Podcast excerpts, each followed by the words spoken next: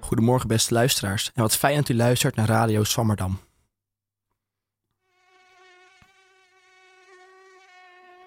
U herkent het geluid waarschijnlijk uit duizenden. U heeft er waarschijnlijk net zo hekel aan als ik. Muggen, die op een mooie zomeravond s'nachts je wakker houden. En wanneer je dan wakker wordt na een rustloze nacht, zit je helemaal onder de muggenbulten. Maar waarvoor muggen ons, voor ons een ergernis zijn, zijn ze in andere landen vaak de, de oorzaak van ontzettend veel leed. In deze uitzending spreek ik met Tessa Visser over haar onderzoek naar muggen. Tessa promoveert momenteel aan de Universiteit van Wageningen bij de One Health Entomology Group. Later deze uitzending luisteren we naar een van tevoren opgenomen interview met dokter Bart Knols. Bart doet al zijn hele leven onderzoek naar muggen en is naast academisch ook betrokken bij de bestrijding van muggen en de ziektes die ze kunnen verspreiden. Maar hier later meer over. Naast mij zit Emmerans kapitein, een van de twee nieuwe redacteuren van Radio Swammerdam en met haar debuut op de radio. Emmerans, word jij net als ik ook zo vaak gestoken door muggen of laten ze jou liever links, links liggen? Nou, Thomas, ik word ontzettend vaak gestoken door muggen. Ja, ja ik ben echt een slachtoffer. En wat, wat doe, je, doe je daar tegen? Um, nou, ik heb een klamboe opgehangen, maar ja, daar heb ik eigenlijk meer last van dan van de muggen zelf. Hmm. Denk ik uiteindelijk. Nou, daar zit het ook niet mee, nee. Nee. nee. Wie ook uh, niet goed tegen muggen kan, is Jochem Meijer. Hij schreef er zelfs een liedje over, waar hij zijn mening over muggen niet onder tafels of stoelen schuift. Je gefukte beet. Pak AUB, je biezen en pleur op van mijn planeet. Hey, teringdiepers, hoerenmug, ga toch in de fut. Ja, voorbestaan is zinloos, want je hebt geen enkel nut. Kijk, bijen helpen bloemen en die horen bij de lente. Die steken bijna nooit en maken honing voor de mente. Maar jij hebt geen functie in de gehele natuur. Niemand heeft baat van jouw acupunctuur. Je vindt me kennelijk lekker en je houdt misschien van mij. Maar ik hou u van zoogdieren en daar doe jij niet bij. Nee, teringdiepers, hoerenmug, witte bloedceldief. Zelfs Nelson Mandela wordt van jou nog agressief. Maar weet je wat er kut is? en waar iedereen van baalt, is dat je mij telkens weer uit de mooiste dromen haalt. Want ik ben gaan dromen over een hele mooie vrouw. Toen jij pers op dat moment op mijn oren zitten wou. Ik had geen schuldig aan een misdrijf, hou me niet meer in bedwang. Vanaf nu ben jij voorgoed deel van mijn behang. Petsboom. Nou, volgens mij kunnen we wel zeggen dat muggen niet echt bepaald geliefd zijn uh, onder de mensen. Tessa, waarom doe jij dan toch onderzoek naar deze beestjes? Nou, ik ben eigenlijk al uh, heel erg lang geïnteresseerd in deze muggen. Uh, eigenlijk al sinds mijn profielwerkstuk. Dus sinds profielwerkstuk heb ik dus uh, ja, iets geschreven over muggen en malaria. Ik heb daarbij trouwens ook Bart Knols mogen interviewen. Dus vandaar, ik ken Bart Knols daarvan. Wat leuk. Um, ja, maar ja, eigenlijk um, het feit dat deze muggen zo ja, kleine, irritante rotbeestjes, dat die ook zo vervelend kunnen zijn in bepaalde landen en zoveel ziektes kunnen overdragen ja, dat integreert mij eigenlijk heel erg. Um, en ja, vooral ook dus dat raakoppervlak tussen mug en mens en mug en dier. Uh, en het gedrag wat de mug daarin vertoont, ja, dat vind ik gewoon super interessant. En ik denk ook dat uh, wij als entomologen daar ook echt een heel groot verschil in kunnen maken. Um, ja, en daarom ben ik dit gaan doen en blijf ik dit denk ik ook doen. Oh, wat goed. Uh, ja, laat, laten we bij het begin beginnen van muggen. Uh, waarom steken ze precies? Waarom hebben ze wat, hebben ze nodig van ons? Nou, laten we beginnen met het feit dat het eigenlijk alleen maar de vrouwtjes zijn. Dus alleen de vrouwtjes hebben ons bloed nodig. Um, en dat hebben ze dus nodig um, om um, ja, eieren te kunnen leggen. Uh, want in het bloed zitten bepaalde eiwitten. Uh, en dat zijn met name onze bloed, uh, rode bloedcellen. Dus ongeveer 70% van de totale hoeveelheid eiwitten die ze daarmee binnenhaalt. En daarnaast zitten in het bloed zitten ook nog essentiële aminozuren die ze nodig heeft om de eitjes te kunnen leggen. En um, malaria-muggen, die zijn heel erg vernuftig om zelfs extra eiwit binnen te krijgen. Want terwijl ze aan het bloedvoeren zijn op je arm, uh, filteren ze eigenlijk alle plasma eruit, zodat ze extra veel rode bloedcellen uh, in hun uh, lijf kunnen stouwen. Wat, ja, slim voor hun, maar minder voor ons, denk ik. ja, en we hadden het er net al even over met Immerans, maar waarom wordt dan de een meer gestoken dan de ander? Ja, dat is ook een hele goede vraag. Um, en dat komt eigenlijk allemaal neer op um, hoe je ruikt. Um, en sommige mensen ruiken nou eenmaal meer aantrekkelijk dan de anderen. Muggen kunnen ons sowieso echt al vanaf ongeveer 40, 50 meter kunnen ze ons uh, waarnemen. En dat komt door CO2. We ademen allemaal CO2 uit. En muggen kunnen dus die CO2 waarnemen boven de CO2 die eigenlijk al in de lucht zit, die fluctuaties. En op dat moment uh, komen ze in zo'n CO2-pluim terecht en dan gaan ze navigeren. En uh, op een gegeven moment komen ze ja, natuurlijk dichterbij. En dan vanaf een meter of vijf. Dan worden ineens onze lichaamsgeuren heel belangrijk. En die lichaamsgeuren die worden geproduceerd door de bacteriën op onze huid. En um, waar um, Bart denk ik straks meer over gaat vertellen, die lichaamsgeuren die hebben we dus ook geïdentificeerd. Welke dat dus precies zijn en door wat voor type bacteriën die dus ook uiteindelijk zijn uh, geproduceerd. Um, en daar kunnen we handig gebruik van maken om bijvoorbeeld dan muggen weer weg te vangen in een muggenval, waar we dat soort geuren uh, in stoppen. En kan een mug dan ook verschil ruiken tussen mijn, mijn hond of mijn kat en mij? Ja, zeker weten. We hebben allemaal verschillende huidbacteriën en ook heel veel verschillende klieren natuurlijk uh, die geurstoffen produceren. Maar ook de hoeveelheid CO2 die we uitstoten verschilt hierin nogal. Um, ja, en of een mug dan daadwerkelijk echt gaat landen op je huid, dat heeft dan weer meer te maken met bijvoorbeeld luchtvochtigheid om je lijf heen en ook de temperatuur van je huid. Oké, okay, en ja. als ze me eenmaal dan gestoken hebben, en me, ze hebben me gevonden en ze hebben me geprikt, uh, waarom heb ik dan last van een muggenbult uiteindelijk? Eigenlijk is een muggenbult niets meer dan een allergische reactie. Dus je krijgt een bultje omdat jij reageert op um, de eiwitten die in het speeksel zitten van zo'n mug. Want wat doet ze nou? Ze, injecteert eigenlijk eerst een beetje speeksel als ze je heeft gebeten. Um, als een soort van um, bloedverdunner, anti-stollingsmiddel. Um, en nou ja, dan kan ze rustig doordrinken, rustig doordrinken. En dan ja, op een gegeven moment dan reageert jouw lijf daar op die eiwitten die nou ja, niet lichaams-eigen zijn. Ik heb hiervoor ook wel echt een hele goede tip. Um, het zou heel uh, goed zijn als mensen uh, Azaron kopen. Ja, ik word niet gesponsord door Azaron, maar Azaron werkt echt heel goed. Het is een zalf. Um, en in die zalf zit antihistamine. Um, mm -hmm. Ja, eigenlijk uh, ja, een zalfje wat je ook kunt, zou kunnen slikken tegen bijvoorbeeld hooikoorts. Ja. Als mensen echt heel erg dikke plakaten krijgen, echt heel allergisch zijn tegen muggenbulten, dan kunnen ze misschien beter hooikoortspilletjes slikken. Uh, maar anders dan werkt zo'n antihistamine zalf heel goed. Wat zorgt ervoor dat je geen allergische reactie krijgt? Ja, okay. of ze vermindert het in ieder geval. Okay. Ja. En uh, dat, dat speeksel uh, wat ze dan injecteren uh, in je lichaam, naast ja, die muggenbult die ze kunnen leiden, wat, wat, wat zijn er nog meer risico's aan het feit dat een mug Jan je prikt? Ja, absoluut. Want um, ja, op het moment dat zo'n mug jou, jou bijt, ze injecteert dat speeksel, dan kan ze ook van allerlei andere dingen mee injecteren, zoals bijvoorbeeld ziektes. Um, bijvoorbeeld een malaria-parasiet of een heleboel verschillende virussen. Uh, en op deze manier ja, verspreidt de mug de uh, ziektes uh, naar mens en dier. en weer terug. En kan elke mug elke ziekte verspreiden? Of? Nee, nee, dat kan niet. er zijn heel veel verschillende muggen die weer heel veel verschillende dingen overdragen. En dat is eigenlijk best wel soortspecifiek. Um, we hebben het al even gehad over de malaria-mug. De malaria-mug die draagt eigenlijk bijna alleen maar malaria over. Malaria is een parasiet, uh, maar is bijna eigenlijk niet belangrijk voor de overdracht van uh, arbovirussen, zo heten die, arthropod-borne viruses, arbovirussen. Um, en ja, je ziet dus eigenlijk dat sommige muggen heel goed zijn uh, in een bepaalde virusfamilie overdragen en weer andere muggen weer heel goed zijn in een andere virusfamilie overdragen. Daar zit heel veel verschil in. Um, ja, onze, bijvoorbeeld onze uh, huistuin- en keukenmug, de Culex pipiens, die kan wel uh, heel goed Westnijl overdragen, het Westnijlvirus, maar weer niet zo goed Zika, het Zika-virus. Oké. Okay. En uh, jij bent jullie onderzoeksgroep One Health Entomology Group in Wageningen. doen onderzoek naar muggen en verschillende muggensoorten en de overdracht van hun ziektes. ja, zou je daar iets meer over kunnen vertellen? Ja, binnen onze groep doen we echt ja, een heleboel verschillende dingen. Um, ja, we kijken eigenlijk naar alle mogelijke interacties tussen een mug, wat we hier in dit geval dan een vector noemen. Dus een, vector die iets overdraagt van de een op een ander. Dus we kijken naar hoe goed uh, kan uh, ja, een mug bepaalde virus inderdaad overdragen in een heleboel verschillende scenario's. Dus is bijvoorbeeld het klimaat heel erg belangrijk. Uh, dus we hebben nu een heel groot project over klimaat. Um, maar ook uh, doet bijvoorbeeld virusinfectie iets met die mug zelf? Past het het gedrag, het gedrag van zo'n mug zelf aan? Daar kijken we bijvoorbeeld naar.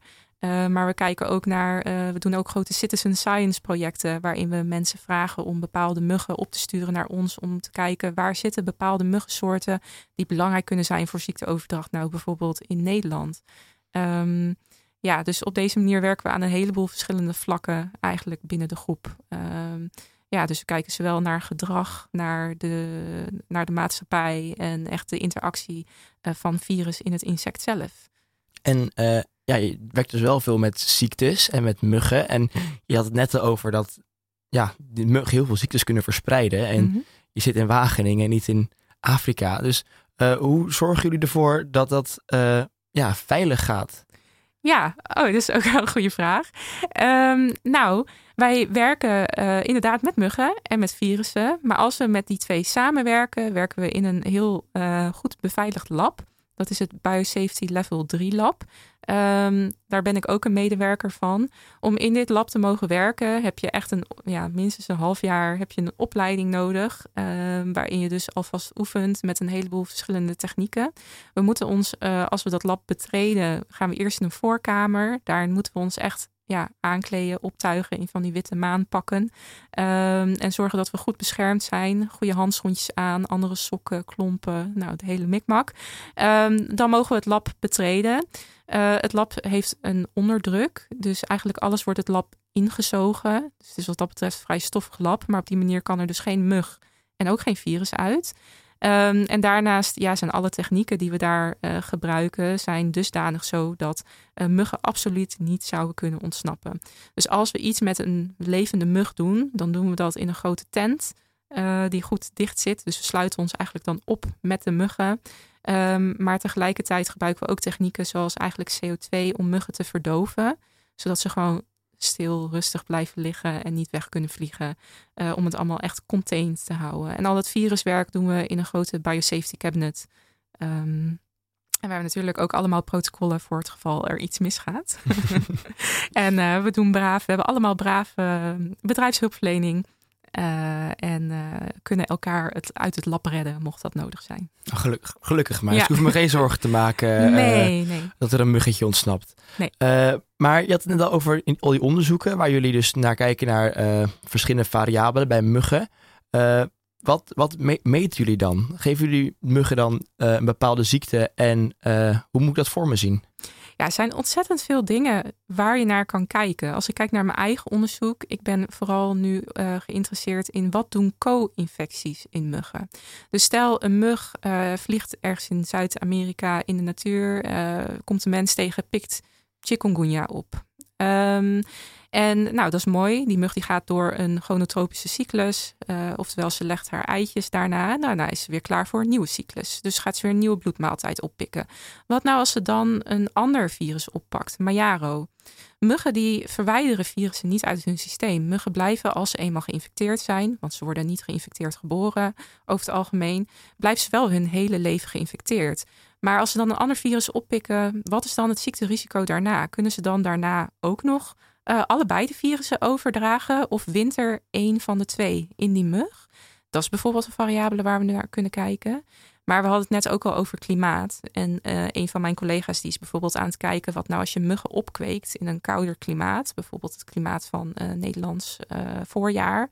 Um, ja, doen virussen het dan eigenlijk wel lekker in zo'n mug? Dat is bijvoorbeeld een variabele ja, ze kunnen heel veel spelen eigenlijk. We kunnen heel veel spelen met temperatuur. We kunnen heel veel spelen met verschillende virussoorten. Uh, maar dus ook met veel verschillende muggensoorten. Want we hebben in huis hebben we de, ja, onze huistuin een keukenmug. Die bestaat eigenlijk uit twee biotypen. En die hebben we allebei. Um, maar we hebben ook de uh, gele koortsmug, uh, de Aedes aegypti mug. We hebben ook de tijgermug, dat is de Aedes albopictus mug. En we hebben dus alle malaria muggen. Um, dus dat geeft heel veel opties om te kijken ja, wat er gebeurt. Soms halen we ook muggen uit het veld. Um, dus er zit bijvoorbeeld een kolonie van de Aziatische bosmug in Lelystad.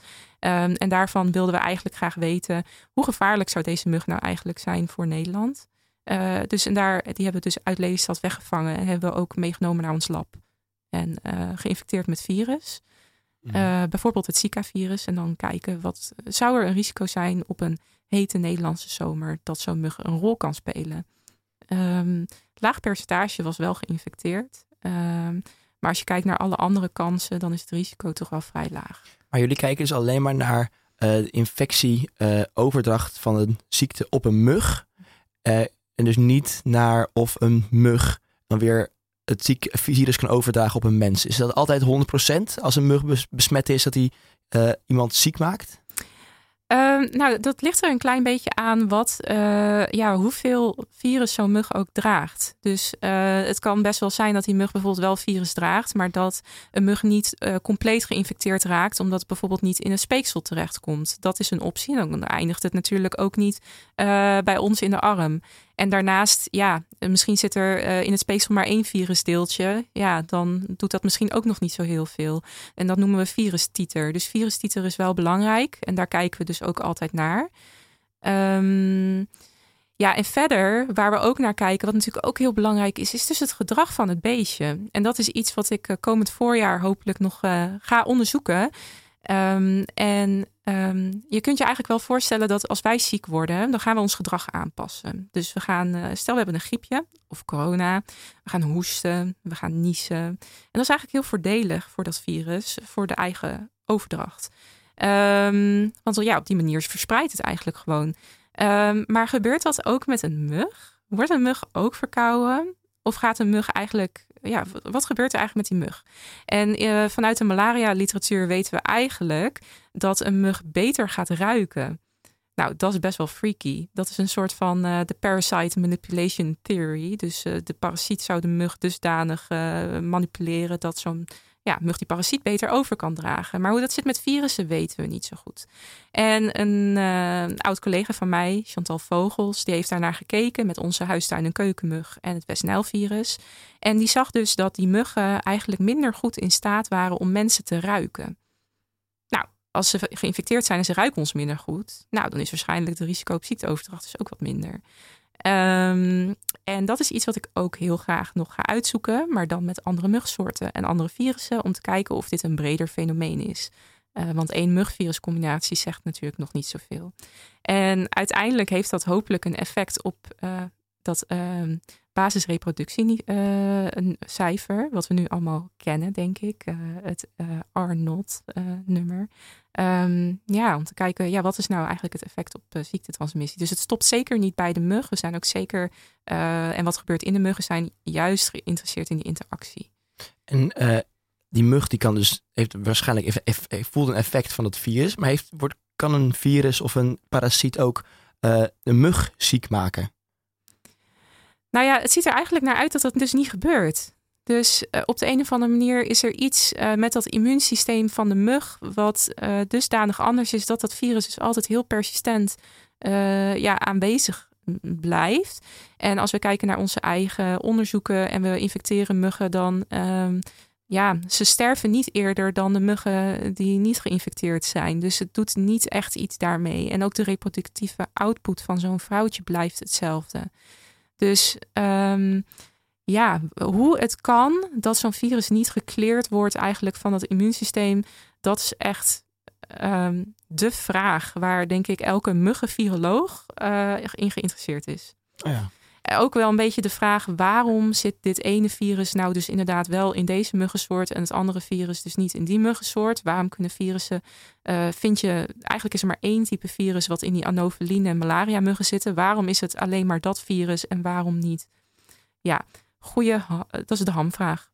Oh ja, en ja, ik vind het heel ontzettend gaaf dat jullie zoveel onderzoek doen naar, naar muggen. Maar dan zit er nog wel één laatste vraag wat mij gewoon bezighoudt. Is, en dat is, wat gebeurt er al met die kennis die jullie verzameld hebben over die muggen en die verschillende muggensoorten? Nou, dit publiceren wij natuurlijk. Mm -hmm. en uh, dit, uh, ja, dus wij publiceren dit allemaal. En daarnaast uh, gaan we natuurlijk naar conferenties om hier dus ja, dit ook allemaal door te vertellen aan onze wetenschappelijke collega's. Um, ja, en uiteindelijk komt daar dus ook daadwerkelijk wel een toepassing uit. en dat is wel heel erg mooi.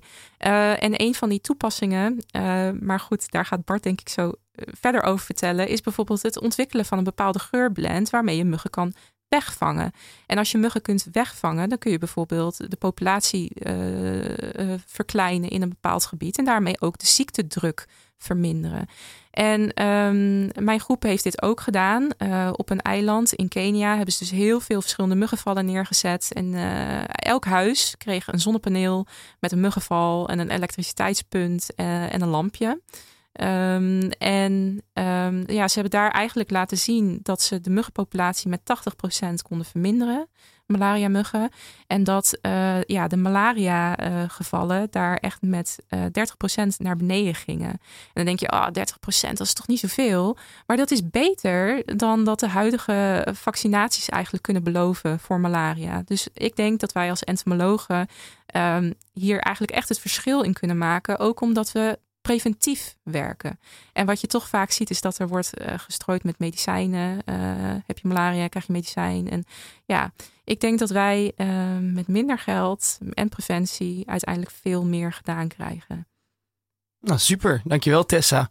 Ik denk dat nu wel duidelijk is waarom onderzoek naar muggen zo belangrijk is. Hier gaan we het nu over hebben met medisch entomoloog Bart Knols. Bart is helaas niet live in de studio aanwezig, want hij woont in de Malediven. Daarom hebben we dit gesprek van tevoren opgenomen. En uh, daar wil ik graag nu naar luisteren. Bart, uh, ontzettend fijn dat je te gast bent in deze uitzending. We hebben net met Tessa Visser gehad, uh, gesproken over haar onderzoek naar muggen in Wageningen. En jij hebt in het verleden ook veel onderzoek gedaan naar muggen. En je hebt er zelfs een IG Nobelprijs voor gekregen. Ik ben benieuwd, wat hebben jullie daar precies onderzocht? Um, als het gaat over de IG Nobelprijs, hebben wij als taak gehad ooit om te kijken van wat zijn nou de geurstoffen die van mensen afkomen die Afrikaanse malaria-muggen s'nachts gebruiken om jou te ruiken en om jou te vinden. En nou, het probleem daarbij was heel simpel. Uh, mensen geven meer dan uh, eh, 300 verschillende chemische verbindingen af van de huid. Ademen meer dan 100 verschillende stoffen uit hun adem. Dus dat is een hele, een hele complexe materie om uit te vinden welke stoffen het nou precies om gaat. En eigenlijk kwamen we vrij snel op het uh, gegeven dat Afrikaanse malaria-muggen hebben een sterke voorkeur voor het bijten rondom de voeten en enkels. En eigenlijk op basis van wat we dan in de literatuur vonden uh, over uh, voetengeur, hè, want voetengeur speelt dus een belangrijke rol, kwamen we op het idee om uh, kazen te testen die sterk ruiken naar humane voetengeur. En, en zo kwamen we uiteindelijk na een zoektocht uit op Limburgse kaas. En met een klein stukje Limburgse kaas bleek het inderdaad mogelijk te zijn om Afrikaanse malaria over afstand uh, te lokken. En op basis daarvan is er uiteindelijk een, een groep van vijf verschillende stoffen ontwikkeld. Die bij testen in Tanzania uh, zelfs attractiever bleek dan de mensen zelf. Dus dat was een heel aardig iets. Wat eigenlijk begon een beetje, een beetje als een grap. Hè, dat is leuk, laten we eens een kaasje testen. Is uiteindelijk vertaald naar iets wat daadwerkelijk wordt gebruikt voor het, uh, voor het vangen van muggen in, uh, in het veld. En dat is natuurlijk heel mooi. En waarom gebruik je dan een niet lichaams-eigen stof en gebruik je niet daadwerkelijk lichaams-eigen stoffen om muggen te lokken? Nou, het geinige is dus, dat zijn lichaams-eigen stoffen. Want waar het om gaat is dat de bacteriën die gebruikt worden voor het enten van de kaas, dus om de kaas een heel specifiek aroma te geven, dat zijn bacteriën die zijn zeer nauw verwant aan de bacteriën die, die je vindt op onze voet. en dus die bacterie die dan op, die, op de wei van die kaas zit, die gaat dan die kaas afbreken en produceert dus dezelfde geurtjes als wat je eigenlijk gewoon op je voet hebt. Dus vandaar ook dat als wij onze neus in, in die kaas uh, steken, uh, dan ruiken we eigenlijk hetzelfde als, uh, als voeten. Hè, het, okay. het, woord tenenkaas is daar niet voor niks. Dat is gewoon de relatie die er is tussen voetengeur en bepaalde kazen. Dus het, het gaat om dezelfde stof. Oké, okay, en de, uh, je hebt ook verder veel meer onderzoek gedaan naar de, het geursysteem van muggen. Uh, je hebt ook een proefschrift erover geschreven. Uh, wat, wat kwam er allemaal uit? Waar, waar, wat vinden muggen aantrekkelijk als het gaat om mensen? Nou, in, mijn spe specifieke geval ging het dus om die Afrikaanse malaria-mug. Want daar hadden we eigenlijk we hadden daar geen goede geuren voor om die naar valsystemen te lokken. En eigenlijk waar ik mijn uh, promotieonderzoek ben geëindigd, is met een, een twaalftal uh, verschillende stoffen die uh, afkomstig waren van Limburgse kaas. Die hadden we geïdentificeerd, dus chemische analyses gedaan op de geur van kaas. Die stofjes geïdentificeerd en daar mengsels van gemaakt en dan die mengsels testen in verschillende verdunningen. En uiteindelijk bleek dat te werken. Dat was eigenlijk het, het, eindpunt van mijn van mijn promotieonderzoek was, we hebben een, een, een, eh, een mengsel van 12 stoffen waarmee we die muggen kunnen aantrekken. Oké, en je bent nu ja, niet meer actief in de academia. Je bent momenteel bezig met de bestrijding van verschillende ziektes die worden ver verspreid door muggen. En ja, u bent ook woonachtig op de Malediven, vandaar dat we online het gesprek voeren. Ik vroeg me af waarom u precies op de Malediven woont en wat doet u daar allemaal? Laat ik allereerst even zeggen, dat in, in termen van het, het wel of niet academisch bezig zijn, voel ik mijzelf nog steeds een academicus. Mm -hmm.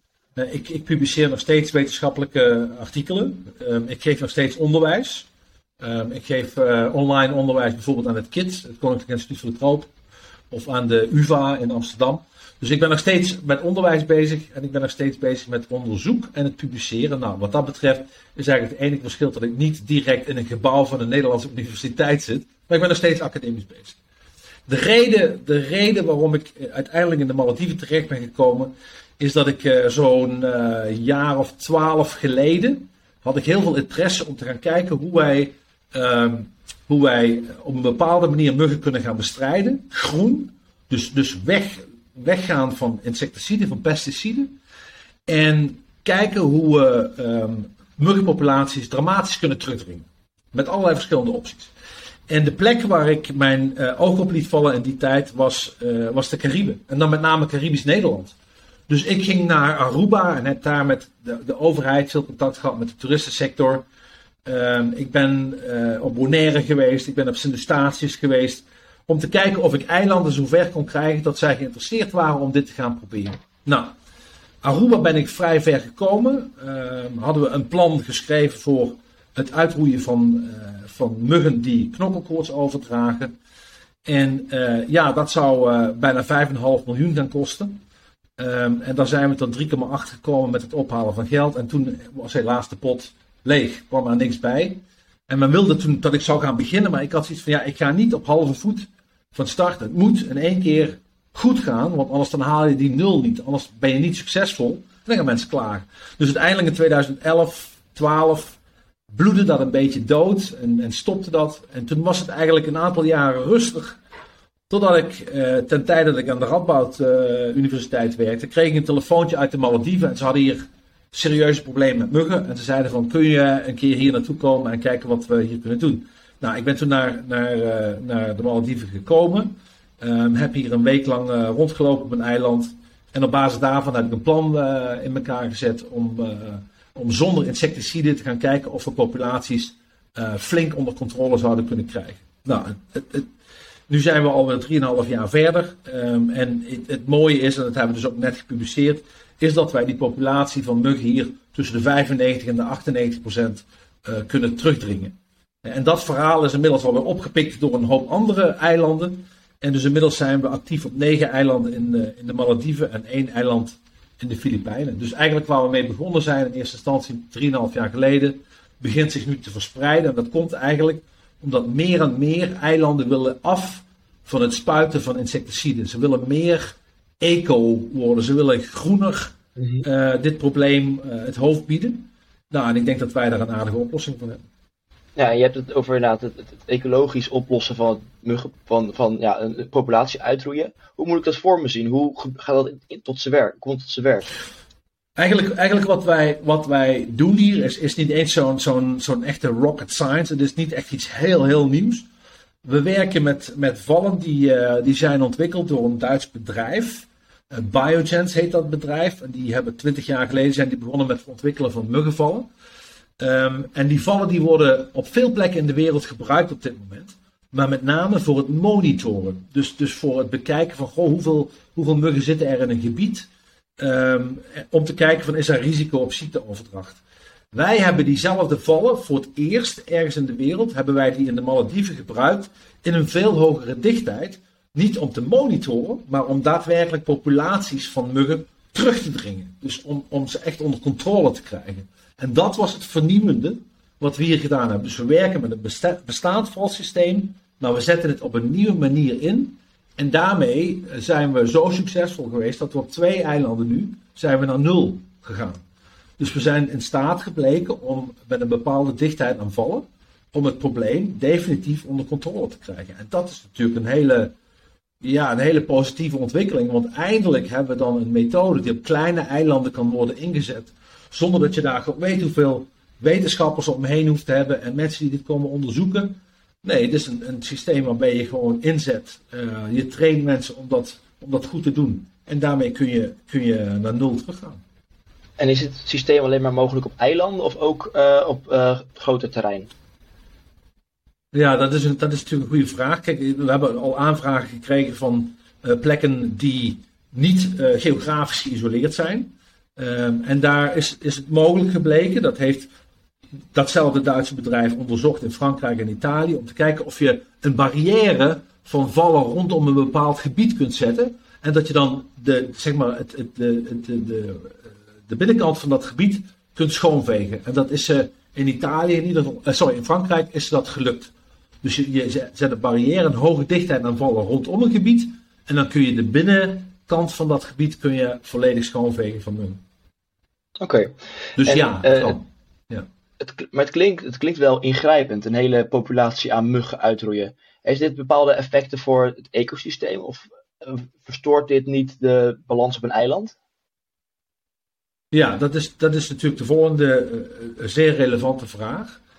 Kijk, op dit moment is in dit deel van de wereld, en ik kan je verzekeren, eigenlijk in het gros van de tropen, waar problemen zijn met muggen, is de manier om dit probleem aan te pakken, is middels wat we noemen fogging. Dat is eigenlijk gewoon, je maakt wolken van insecticiden, die spuit je in de jungle. Die spuit je gewoon in de omgeving. En de impact daarvan is dat je eigenlijk gewoon alle insecten doodt. Want die, die insecticiden zijn niet specifiek voor muggen. Dus je doodt alles wat er rondvliegt. Dus ook je libellen en je vlinders en enfin, noem maar op. Alles dood je, je bijen. Um, wat wij doen, is we hebben een val die is zeer specifiek voor muggen. Dus ik haal eigenlijk één soort insect haal ik uit het ecosysteem. Maar ik laat de rest laat ik gewoon rondvliegen.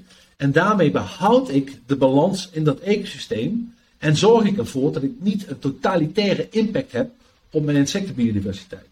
Dus in mijn optiek is dit een veel betere manier dan wat we gewend zijn, dan het spuiten. Oké. Nee, dat, uh, dat, klinkt, dat klinkt wel logisch. Uh, en uh, jij hebt het nu bestrijd op de Malediven, muggen, en die, wat voor ziektes verspreiden die dan? Als we praten over de Malediven, dan praten we eigenlijk over twee belangrijke infectieziekten die we hier hebben overgedragen door muggen. Dat is knokkelkoorts Eén. En twee is het zogenaamde chikungunya-virus. Dat is een Afrikaans virus wat hier terecht is gekomen. En in 2015 hebben we ook een geval gehad van het Zika-virus. Dat zal wellicht bekend zijn. Nou, dat zijn dus de drie virussen waar we ons zorgen over maken. Het interessante is dat op dit moment in de Malediven, en dat heeft te maken met COVID, is dat uh, ten tijde van COVID de toeristensector zich hier heel sterk gerealiseerd heeft hoe groot en hoe sterk de impact kan zijn wanneer een infectieziekte toeslaat. Uh, Want het toerisme kreeg een flinke opdonder van COVID. Uh, net zoals elders in de wereld. Dus sinds die tijd is het voor ons iets wat eenvoudiger om met, met eilanden te praten over het risico van dit soort door muggen overgedragen ziekten. Omdat men zich realiseert, ja, wanneer zo'n ziekte toeslaat op mijn eiland, dan ben ik ook in één keer mijn toeristen kwijt. En vanwege berichten op TripAdvisor en berichten in de pers ben je niet alleen je toeristen kwijt voor een paar maanden, maar kan de impact daarvan zelfs een paar jaar duren. Dus men is zich daar nu wel meer van bewust dan voor COVID. En dat is een hele goede zaak. Oh ja. En uh, kijk, je hebt het nu over die uh, andere, andere ziektes. Maar als ik persoonlijk denk aan uh, ziektes die door muggen worden overgedragen, denk ik vooral snel aan, aan malaria. En vooral in Afrika. Wa waarom is dat daar zo'n groot probleem? In Afrika specifiek. Laat ik, laat ik vooropstellen, ook de Malediven hebben malaria gehad tot 1984. In 1984 hebben ze malaria uitgeroeid. En dat geeft opnieuw aan hoe interessant het is om op kleine eilanden te werken. Het zijn eigenlijk een soort playgrounds. Je hebt het ene eiland, dan probeer je dit. Het andere eiland, dan probeer je dat. En zo kun je allerlei verschillende dingen testen. Totdat je gewoon de beste formule hebt om het probleem aan te pakken. Dus malaria is verdwenen uit de Malediven. Maar malaria is nog steeds een gigantisch groot probleem in Sub-Sahara-Afrika. We hebben in 2020, dat zijn de laatste getallen, 608.000 dodelijke slachtoffers, 212 miljoen gevallen. Uh, en het gros daarvan, meer dan 90%, vind je in Afrika. En dan met name in kinderen jonger dan vijf en in zwangere vrouwen. Daar, daar zit het probleem van malaria in de wereld. En waarom zit dat daar nou? En dat, er zijn een aantal redenen voor. Die zitten aan de ene kant zitten die gewoon in de publieke gezondheidszorg. Dus de, de gezondheidssystemen zijn vrij zwak. En je gaat naar ruraal Afrika, je komt in een kleine kliniek en er is gewoon heel weinig voorhanden. Er zijn geen medicijnen, er staat geen microscoop, er zijn geen diagnostische middelen voorhanden. Dus aan de kant van de zorg zit al een probleem. Aan de kant van de bestrijding van de mug zelf, om te voorkomen dat mensen de ziekte überhaupt krijgen, zit je met het probleem dat de insecticiden die worden gebruikt, daar zijn de muggen veelal resistent tegen geworden. Dus je bent niet meer effectief in het bestrijden van die mug. Ehm, en daarnaast is het zo dat we zien ook gedragsveranderingen in de muggen. Waarbij normaal die malaria-mug normaal s'nachts steekt en dan met name binnenshuis. Um, zien we dat steeds meer van de beten die mensen krijgen en daarmee dus ook de transmissie zich steeds meer verplaatst naar vroeger in de avond, wanneer mensen nog niet onder een klamboetje liggen te slapen en buiten. En we hebben eigenlijk geen goede bestrijdingsmethode voor malaria-muggen buiten. dat is ook een van de redenen waarom het interessant is om valsystemen te ontwikkelen voor malaria-muggen. Want die kun je dus gewoon in de omgeving plaatsen. En dan ben je dus niet meer afhankelijk van wat er binnenshuis gebeurt. Dus we hebben resistentie, we hebben wat we noemen gedragsresistentie, we hebben een vrij zwakke gezondheidszorg. En daarnaast hebben we ook eens een keer het probleem van resistentie van de malaria-parasiet, dus die wat in mensen zit, tegen de medicijnen die we gebruiken. En, dus, en dat tel je allemaal bij elkaar op. En dan zie je dus gewoon een ziekte die gewoon nog steeds een hele zware grip heeft op zo'n continent. En door, uh, ja, je hoort wel eens uh, dat we ons zorgen moeten maken voor de opkomst van malaria uh, in Nederland door, door klimaatverandering. Is dat dat wezenlijke bedreiging voor ons of hoe moet ik daar tegenaan kijken? Nee, het, het, het, antwoord daarop is gewoon volmondig nee. Het gaat niet gebeuren. Dus, dus ook al hebben wij meer meer stilstaand water in Nederland. Zijn we gebieden weer aan het verwateren. Ook al hebben wij klimaatverandering, ook al hebben we alweer een hele hete zomer achter de rug. De kans dat wij opnieuw gevestigde, dat wil zeggen endemisch, dus continu aanwezig en continu verspreid, dat wij malaria terugkrijgen in Nederland, die kans is nul. En de reden daarvoor is heel simpel.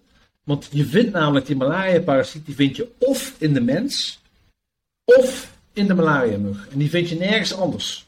Dus daar is geen reservoir in de natuur van andere uh, zoogdieren dan wel vogels, die ook malaria-parasieten hebben. Dus dat betekent op het moment dat wij een uitbraak zouden hebben van malaria ergens, ga je gewoon met je bestrijding van malaria-muggen, ga je heftig aan de gang in een lokaal gebied.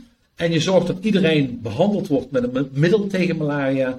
En dan heb je gewoon geen transmissie meer. Dan kun je een lokale uitbraak heel makkelijk uitroeien. Het gebeurt bijna jaarlijks in de Verenigde Staten, waar mensen die gereisd hebben in Zuid-Amerika, Centraal-Amerika, komen terug met malaria-parasieten, infecteren lokaal malaria-muggen en dan krijg je snel even een uitbraak en die worden altijd weer opgerold. Het verhaal wordt totaal anders als we gaan praten over virusziekten, zoals bijvoorbeeld het West Nile-virus, waarvan we inmiddels in Nederland zeven gevallen gehad hebben. Uh, want het West Nile-virus vind je niet alleen in de mens en in de mug, maar het West Nile-virus vind je ook in vogels.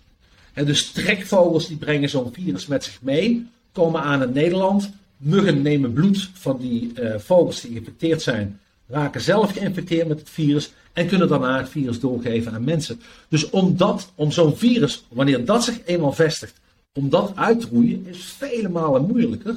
Want dan zit je namelijk met een reservoir in de natuur, in dit geval in vogels. Ja, dat krijg je natuurlijk nooit weg. Dus als we praten over de, het oprukken van virale ziekten die worden overgedragen door muggen, ja, dan moeten we ons zeker zorgen maken, ook in Nederland. We hebben nu net gehad dat er meer dan 40 gevallen van knokkelkoorts waren in Zuid-Frankrijk. Dus de Nederlander die denkt van ik hoef niet naar de tropen, want daar zit allemaal die enge ziekte. Die Nederlander die kan ook niet meer naar de camping in Zuid-Frankrijk, want dan loopt hij hetzelfde risico. Dus dat is zeker klimaatverandering. Dat is zeker het gevolg van globalisering, van uh, handel, uh, waardoor, waardoor muggen zich weten te verspreiden over de hele wereld. Vanwege het feit dat er meer dan 10 miljoen mensen op dagbasis in een vliegtuig stappen over lange afstand. Die mensen die hebben in hun bloed allerlei verschillende soorten parasieten, bacteriën, enfin, noem maar op, virussen, allerlei ziekten die ze heel snel van A naar B kunnen meenemen. En daarmee dus de kans op de verspreiding van die ziekte, ja, die kans is altijd heel klein. Maar als je dat miljoenen keren doet per dag, dan op een gegeven moment gaat het gewoon gebeuren. En we hebben in de recente geschiedenis in Nederland al, uh, en in Europa al meerdere malen uitbraken gehad van tropische infectieziekten. Die werden overgedragen door tropische muggen die we zelf hebben ingesleept. Dus dat is gewoon een, een, een fenomeen waar we niet meer omheen kunnen. Het is er gewoon en het staat ook voor de deur in Nederland. Is er dan geen reden om ook de muggen in Nederland uh, weg te vangen uit uh, het ecosysteem? 100%. Ja? 100%. Ik ben daar heel resoluut in in mijn uitspraken. Op het moment dat wij een invasieve soort mug in Nederland hebben rondvliegen, moet je alles, maar dan ook alles inzetten. En ik, ik praat hier niet over de kosten, want dat interesseert me niet. Je moet alles inzetten om zijn lokale uitbraak uit te roeien. Doe je dat niet, dan ga je later een veel, veel hogere prijs hiervoor betalen.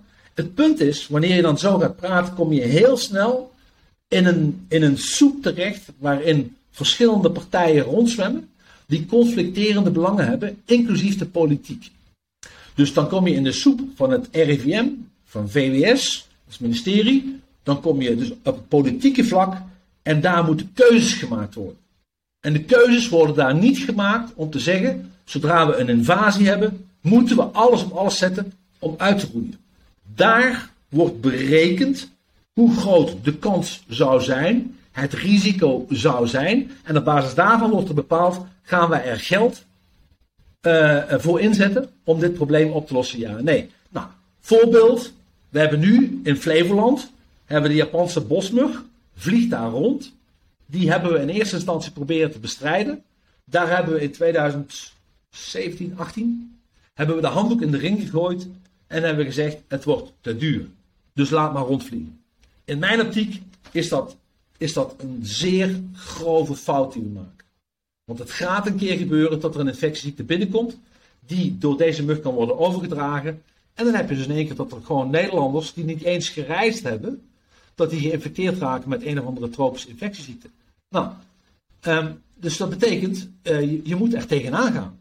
En het probleem is, wij durven in Nederland niet snel ergens tegenaan te gaan, want dan loop je tegen de politiek aan. Nou, ik hoef je niet te vertellen wat er allemaal met COVID gebeurd is en politiek in Nederland. En hoe politieke partijen daar tegenaan kijken, dat weet je. Maar dit speelt eigenlijk ook op het vlak van invasieve muggen. Er zijn mensen die zeggen, alles inzetten om uit te roeien. En er zijn mensen die zeggen, wow, val wel mee. En die moeten eerst wachten tot er doden vallen. En dan gaan we iets doen. Ik zeg, wees het voor. En anderen zeggen van nou, we hebben een berekende kans. Het valt allemaal wel mee, dus laat maar gewoon gaan. En ik denk dat dat niet alleen binnen Nederland een, een punt is. Ik denk dat dat in heel Europa een punt is. En daarom heb ik ook gepleit ervoor dat nou typisch zo'n probleem van invasieve muggen moet niet op Nederlands niveau worden opgelost. Maar dit is nou echt iets wat naar Brussel moet gaan. Wat de hele EU gezamenlijk zou moeten aanpakken. Want het is niet alleen Nederland. Dat zit ook door heel Europa heen. Bijvoorbeeld als we het hebben over tijgermuggen. Die zitten nu gewoon door heel Europa heen. Dus we moeten dit gewoon Europa breed het hoofd bieden. Zodat de individuele lidstaten niet allemaal moeten opdraaien voor een eigen oplossing. Maar dat we het gezamenlijk gaan doen. En dat, dat mist gewoon op dit moment. En wat zijn dan de beste maatregelen om dit, dit, dit tegen te gaan? Ja, dat is, dat is helaas ook wel iets waar, waar de meeste mensen niet blij van worden. Maar dat betekent eigenlijk dat je van deur naar deur moet gaan. En dat je gewoon moet, inspecties zal moeten uitvoeren in de tuinen van mensen. Ehm, in, ja, op alle, en waar het neerkomt, is je moet eigenlijk gebieden uitkammen. En daar, is, daar is geen betere organisatie in een land als Nederland, of, of elders in de wereld, die daar beter in zijn dan het leger. En in andere delen van de wereld is het volstrekt normaal dat wanneer er problemen zijn met muggen, dat het leger wordt ingezet. Dat gebeurt in grote delen van Centraal- en Zuid-Amerika. Wanneer er echt problemen zijn, wanneer er echt een uitbraak is van bijvoorbeeld knokkelkoorts, dan worden soldaten ingezet om te zorgen dat stilstaand water behandeld wordt met een middel tegen de larven van de muggen, of dat huizen bespoten worden, of dat andere manieren worden ingezet. Maar dan wordt daar gewoon grootschalig ingezet om het probleem aan te pakken.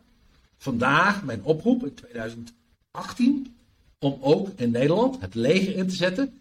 Net zoals het leger, wanneer we een risico hebben met dijken, hè, dan wordt in één keer worden soldaten ingezet om zandzakken uh, aan te slepen. Dat vindt heel Nederland normaal.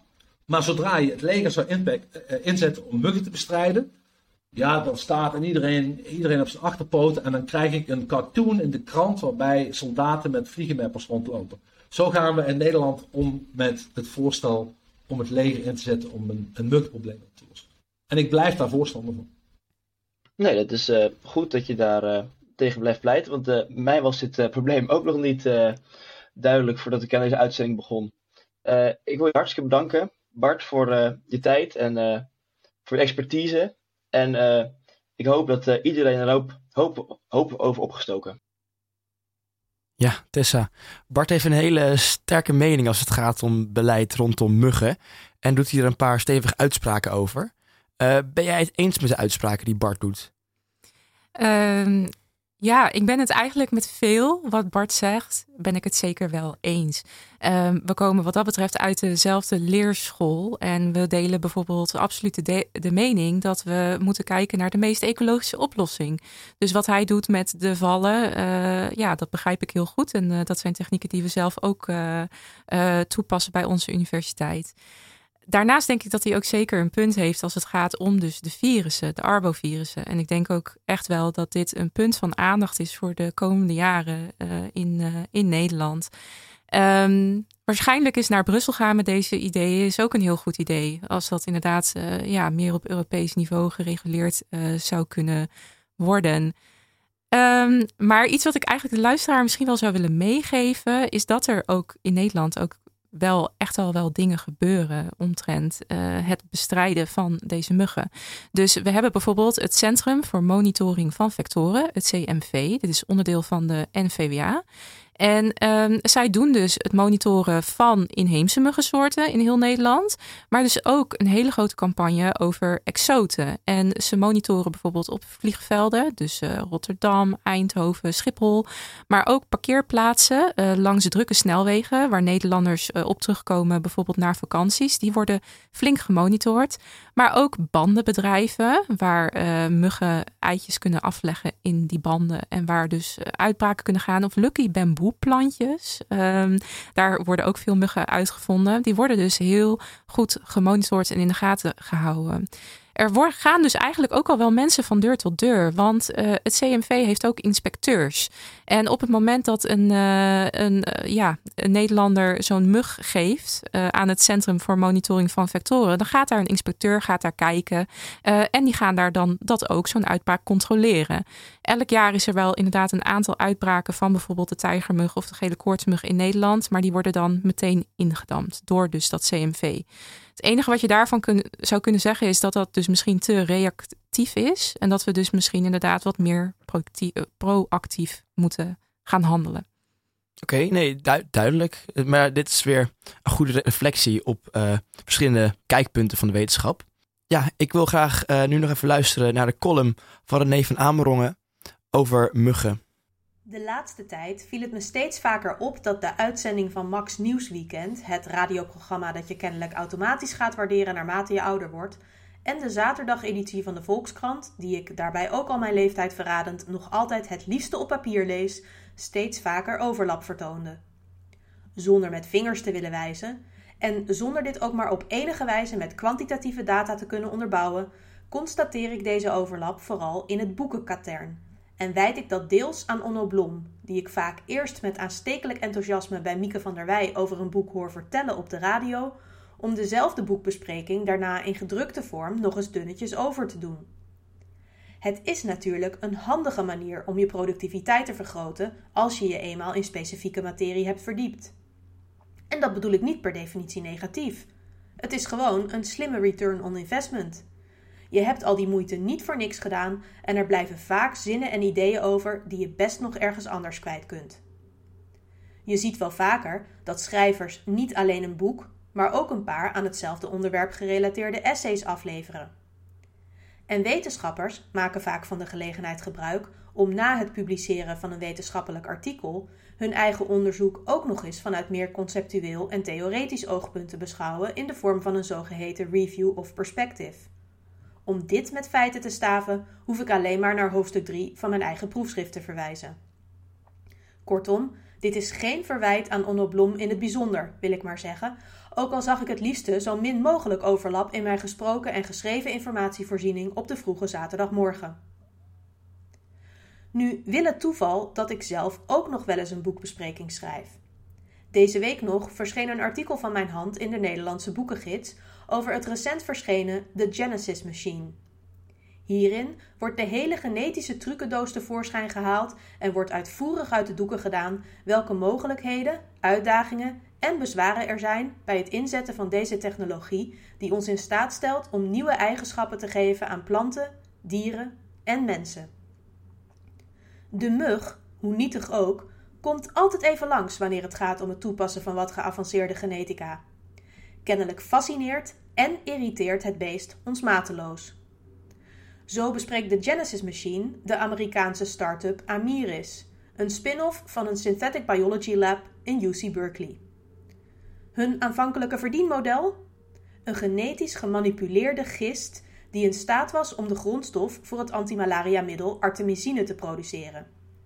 Een grondstof die normaliter alleen gewonnen kan worden uit een van oorsprong Chinese plant die in het Nederlands de lyrische naam zoete zomeralsem draagt. Om een lang verhaal kort te maken, kwam de start-up droom van Amiris nooit tot wasdom. De ooit zo grillige zomeralsemmarkt bleek plotseling meer dan genoeg grondstoffen te kunnen leveren tegen een prijs die beduidend lager was dan de kostprijs van het uit gefermenteerde rietsuiker gewonnen gistproduct. Zo won de vrije markteconomie het van de biotechnologie. Ook andere hippe gentechnologieën komen vaak met anti-muggenmiddelen op de proppen. Bijvoorbeeld voor de toepassing van CRISPR-Cas gene editing en zogenaamde gene drives. Een gene drive is een mutatie die zich steeds verder binnen een populatie verspreidt, zelfs als die mutatie een negatief effect heeft. Dat klinkt tegenstrijdig, maar met een beetje handig genetisch knutselwerk kun je zoiets in elkaar bouwen.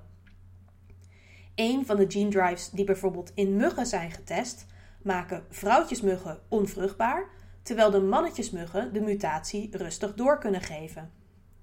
Je hoeft geen Einstein te zijn om te zien waar dat op uitloopt. Op een gegeven moment zullen er geen muggenlarfjes meer geboren worden. Het klinkt als een effectieve manier om malaria te bestrijden. Al zou je een gene drive aanpak ook volledig oncontroleerbaar kunnen noemen. Er is tenslotte maar één weg en dat is vooruit. Want tenzij de muggenexperts die vandaag in de studio aan tafel zitten daar anders over denken, is er bij mijn weten geen rem ingebouwd die een gene drive ook nog een halt zou kunnen toeroepen. En als er eenmaal geen muggen meer zijn, wat gaan al die spinnen, zwaluwen en vleermuizen dan eten? Ik voorvoel een horrorscenario. Het uitroeien van de malaria-mug is natuurlijk een nobel streven. Andere ziektemakers proberen we tenslotte ook onder de duim te krijgen. Daarnaast zijn muggen in het algemeen uiteraard gewoon rete irritant. Al in 1934 verpesten ze een uitje van Mickey Mouse en zijn kompanen in de tekenfilm Camping Out. Je kunt een mug nog zulke lieve Disney-ogen meegeven, teken daarnaast ook een puntige proboscis en het is duidelijk dat we hier te maken hebben met een karakter dat de feestvreugde, slaap of andere activiteit bruut komt verstoren. Een wereld zonder muggen. Het klinkt niet onaantrekkelijk. En wie zal het zeggen? Misschien verspreidt zo'n gene drive zich dan ook wel naar de Highland Midges in de Schotse hooglanden. Ik en mijn wandelvakanties zullen de wetenschap dan eeuwig dankbaar zijn. Bedankt voor deze mooie column, René. En het lijkt me een erg mooie afsluiting van deze uitzending van Radio Swammerdam over muggen. Absurd dat zulke kleine beestjes de mensheid zo beduidend beïnvloeden. Mocht u als luisteraar meer willen weten over muggen, dan kunt u altijd het boek Mug van Bart Knols lezen. Ook heeft hij een interessante vijfdelige collegereeks gemaakt bij de Universiteit van Nederland. Tessa en Bart, ontzettend bedankt voor jullie komst en jullie bijdrage in deze uitzending. Graag wil ik René van Amerongen bedanken voor het schrijven van deze column. Daarnaast wil ik ook Immerans bedanken voor de bijdrage als co-presentator en Pelle voor uh, zijn rol in de techniek. Heeft u vragen of opmerkingen? Stuur ons gerust een berichtje via social media of ouderwets een mailtje naar radioswammerdam.gmail.com. Op Instagram, Facebook en Twitter kunt u ons ook volgen om nooit meer iets van Radio Swammerdam te missen. Deze uitzending wordt vanmiddag geüpload op alle podcastkanalen, dan kunt u hem terugluisteren of delen. Mijn naam is Thomas Verhagen. Bedankt voor het luisteren eh, naar Radio Swammerdam en ik wens u een fijne zondag.